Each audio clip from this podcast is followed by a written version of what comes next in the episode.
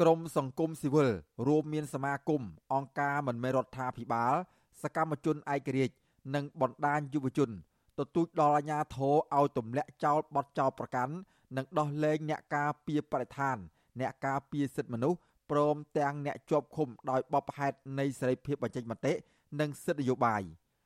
យុទ្ធនាការថ្មីរបស់ក្រមសង្គមស៊ីវិលនេះធ្វើឡើងនៅលើបណ្ដាញសង្គម ចាប់ពីថ្ងៃទី11សីហារហូតដល់ថ្ងៃទិវាសិទ្ធិមនុស្សអន្តរជាតិ10ធ្នូប្រធានផ្នែកកម្មវិធីស្រាវជ្រាវនិងតស៊ូមតិនៃសមាគមបណ្ដាញយុវជនកម្ពុជាហៅកាត់ថា CYN លោកហេងកំហុងមានប្រសាសន៍ថាយុទ្ធនាការនេះជាការមូលមតិគ្នារបស់ក្រមសង្គមស៊ីវិលដើម្បីទាមទាររកយុទ្ធធរជូនអ្នកដែលជាប់ឃុំដោយសារតែសកម្មភាពការពារបរិស្ថានសិទ្ធិមនុស្សនិងសិទ្ធិបញ្ចេញមតិ យើងធ្វើយុទ្ធនាការនេះឡើងដើម្បីទាមទារឲ្យមានការដោះលែងឬក៏ទម្លាក់ចោលបទចោទហើយនឹងផ្ដល់សិទ្ធិសេរីភាពសម្រាប់សកម្មជនទាំងអស់នោះផងដែរនឹងក៏យើងចង់ឲ្យមានការផ្ដល់នូវសិទ្ធិសេរីភាពទៅតាមរដ្ឋធម្មនុញ្ញនិងច្បាប់ពាក់ព័ន្ធផ្សេងផ្សេងដែលផ្ដល់សិទ្ធិនឹងករណីកិច្ចឲ្យពួកយើងទាំងអស់គ្នាចូលរួមសកម្មភាពសង្គមហើយនិងសកម្មភាពការពារប្រយោជន៍សាធារណៈបាទ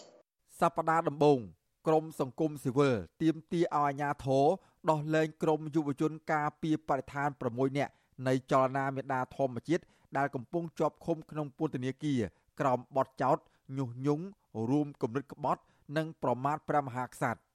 ក្រមសង្គមស៊ីវិលបានបង្ហោះរូបភាពរបស់អ្នកការពារបរិស្ថានទាំង6រូបរួមមានលោកថនរដ្ឋាកញ្ញាលងគុន្ធា កញ្ញាភួនកៅរស្មី កញ្ញាសុនរដ្ឋាលោកយឹមលៀងហ៊ីនិងយុវជនលីច័ន្ទតារាវុធនៅលើបណ្ដាញសង្គមរូបភាពទាំងនោះ មានភ្ជាប់មកជាមួយនៅមូលហេតុដែលពួកគេត្រូវបានចាប់ខ្លួន ចំនួនថ្ងៃដែលពួកគេបានជាប់ឃុំ និងសំណួរផ្សេងផ្សេងចំពោះការចោទប្រកាន់លើពួកគេ ចំណុចទាំងនោះរួមមានតើអ្វីជាអំពើញុះញង់និងរួមគំនិតក្បត់របស់គុន្ធារស្មី និងថនរដ្ឋាដោយគ្រាន់តែពួកគេស្នើឲ្យអាជ្ញាធរបញ្ឈប់ការលុបបង្តមកតើការដែលសុនរដ្ឋានិងតារាវុធទៅដងទឹកកខ្វក់ ដែលបង្ហូរចូលទន្លេសាបនោះ ជាអំពើរួមគំនិតក្បត់ និងប្រមាថព្រះមហាក្សត្រឬតើលៀងហ៊ីធ្វើអ្វីដែលជាអំពើរួមគំនិតក្បត់រូបភាពរបស់ពួកគេនីមួយៗសុទ្ធតែមានភ្ជាប់មកជាមួយនៅសញ្ញាបង្ហាញមេតិកាថាដោះលែងអ្នកការពារសិទ្ធិមនុស្សយុទ្ធនាការសប្តាហ៍ដំបូងនេះ មានការចូលរួមគ្រប់គ្រងពីអង្គការមិនមែនរដ្ឋាភិបាលជាច្រើន ដូចជាមជ្ឈមណ្ឌលសិទ្ធិមនុស្សកម្ពុជាហៅកាត់ថា CCHR អង្គការសិទ្ធិមនុស្សលីកាដូ និងសមាគមការពារសិទ្ធិមនុស្សអាត6ជាដើមរីឯអ្នកប្រើប្រាស់បណ្ដាញសង្គមនិងអ្នកធ្វើការងារសង្គមវិញពួកគេក៏បានបង្ហោះនិងចែករំលែកយុទ្ធនាការនេះនៅលើបណ្ដាញសង្គមរបស់ខ្លួនដែរឆ្លើយតបនឹងរឿងនេះសមាជិកនិងជាអ្នកនាំពាក្យគណៈកម្មាធិការសិទ្ធិមនុស្សរបស់រដ្ឋាភិបាលលោកកតាអនថ្លែងថា ការទៀមទានេះគ្មានប្រសិទ្ធភាពនោះទេពីព្រោះសំណុំរឿងរបស់អ្នកជាប់ឃុំទាំងនោះកំពុងស្ថិតនៅក្នុងដៃតុលាការលោកជំរុញឲ្យក្រមសង្គមស៊ីវិលផ្ដល់ជំនួយផ្នែកច្បាប់ឬស្វែងរកភ័ស្តុតាងជួយដោះបន្ទុកអ្នកទាំងនោះវិញជាមួយគ្នានេះលោកចាត់ទុកយុទ្ធនាការរបស់ក្រមសង្គមស៊ីវិលនេះ ថាជាការដាក់សម្ពាធលើតុលាការដើម្បីកេងចំណេញនយោបាយ ក្រុមមួយចំនួនគាត់មានចេតនានៅក្នុងការយករូបភាពនៃតុលាការនៃបងប្អូនដែលត្រូវចោទនៅតុលាការទៅជារឿងនយោបាយដើម្បីបានមុខបានមាត់បានការគ្រប់គ្រងពីបរទេសអានោះជាឈុតឆាកដែលអ្នកនៅខាងក្រៅតុលាការធ្វើប៉ុន្តែអ្នកនៅក្នុងចំណាត់ការតុលាការគ្នានៅតែទទួលនៃនីតិវិធីតុលាការដដែលប៉ុន្តែអង្គការសង្គមស៊ីវិលចាត់ទុកការចោទប្រកាន់នេះថា ជារឿងមិនត្រឹមត្រូវនិងជំរុញឲ្យមន្ត្រីពាក់ស្លាកសិទ្ធិមនុស្សរបស់រដ្ឋាភិបាល ទៅមើលច្បាប់ឡើងវិញ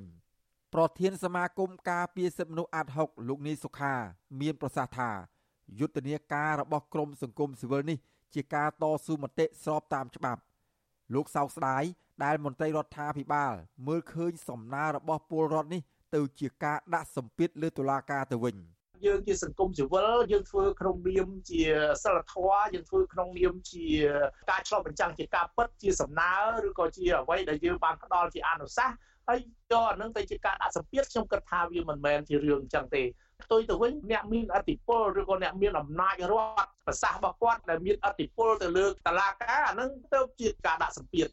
លោកនេះសុខាបន្ថែមទៀតថា សំណុំរឿងប្រឆាំងនឹងអ្នកការពារសិទ្ធិមនុស្សអ្នកការពារបរិស្ថាន ឬសកម្មជននយោបាយទោះជាមានមេធាវីពូកែយ៉ាងណាក៏ដោយក៏មិនអាចឈ្នះក្តីក្នុងតុលាការបានដែរព្រោះជាប្រភេទសំណុំរឿងនយោបាយក្នុងរយៈពេលជាង1ឆ្នាំមកនេះ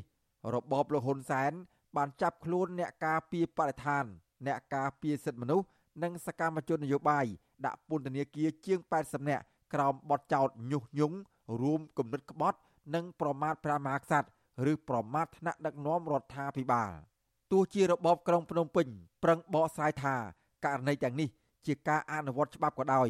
ក៏សហគមន៍ជាតិនិងអន្តរជាតិមិនជឿលើការបកស្រាយទាំងនេះដែរពីព្រោះពួកគេមើលឃើញថាតុលាការកម្ពុជាស្ថិតក្រោមឥទ្ធិពលលោកហ៊ុនសែននិងគណៈបកកណ្ដាលអំណាចម្យ៉ាងវិញទៀតការចាប់ខ្លួនចោតប្រកាន់ឬផ្ដន់ទោសអ្នកធ្វើការងារសង្គមជាហោហែមកនោះធ្វើឡើងដោយខ្វះមូលដ្ឋានច្បាប់ និងរំលោភទាំងកំរោលលើគោលការណ៍សិទ្ធិមនុស្សជាអន្តរជាតិខ្ញុំបាទសេកបណ្ឌិតវិទ្យុអាស៊ីសេរីពីរដ្ឋធានីវ៉ាស៊ីនតោន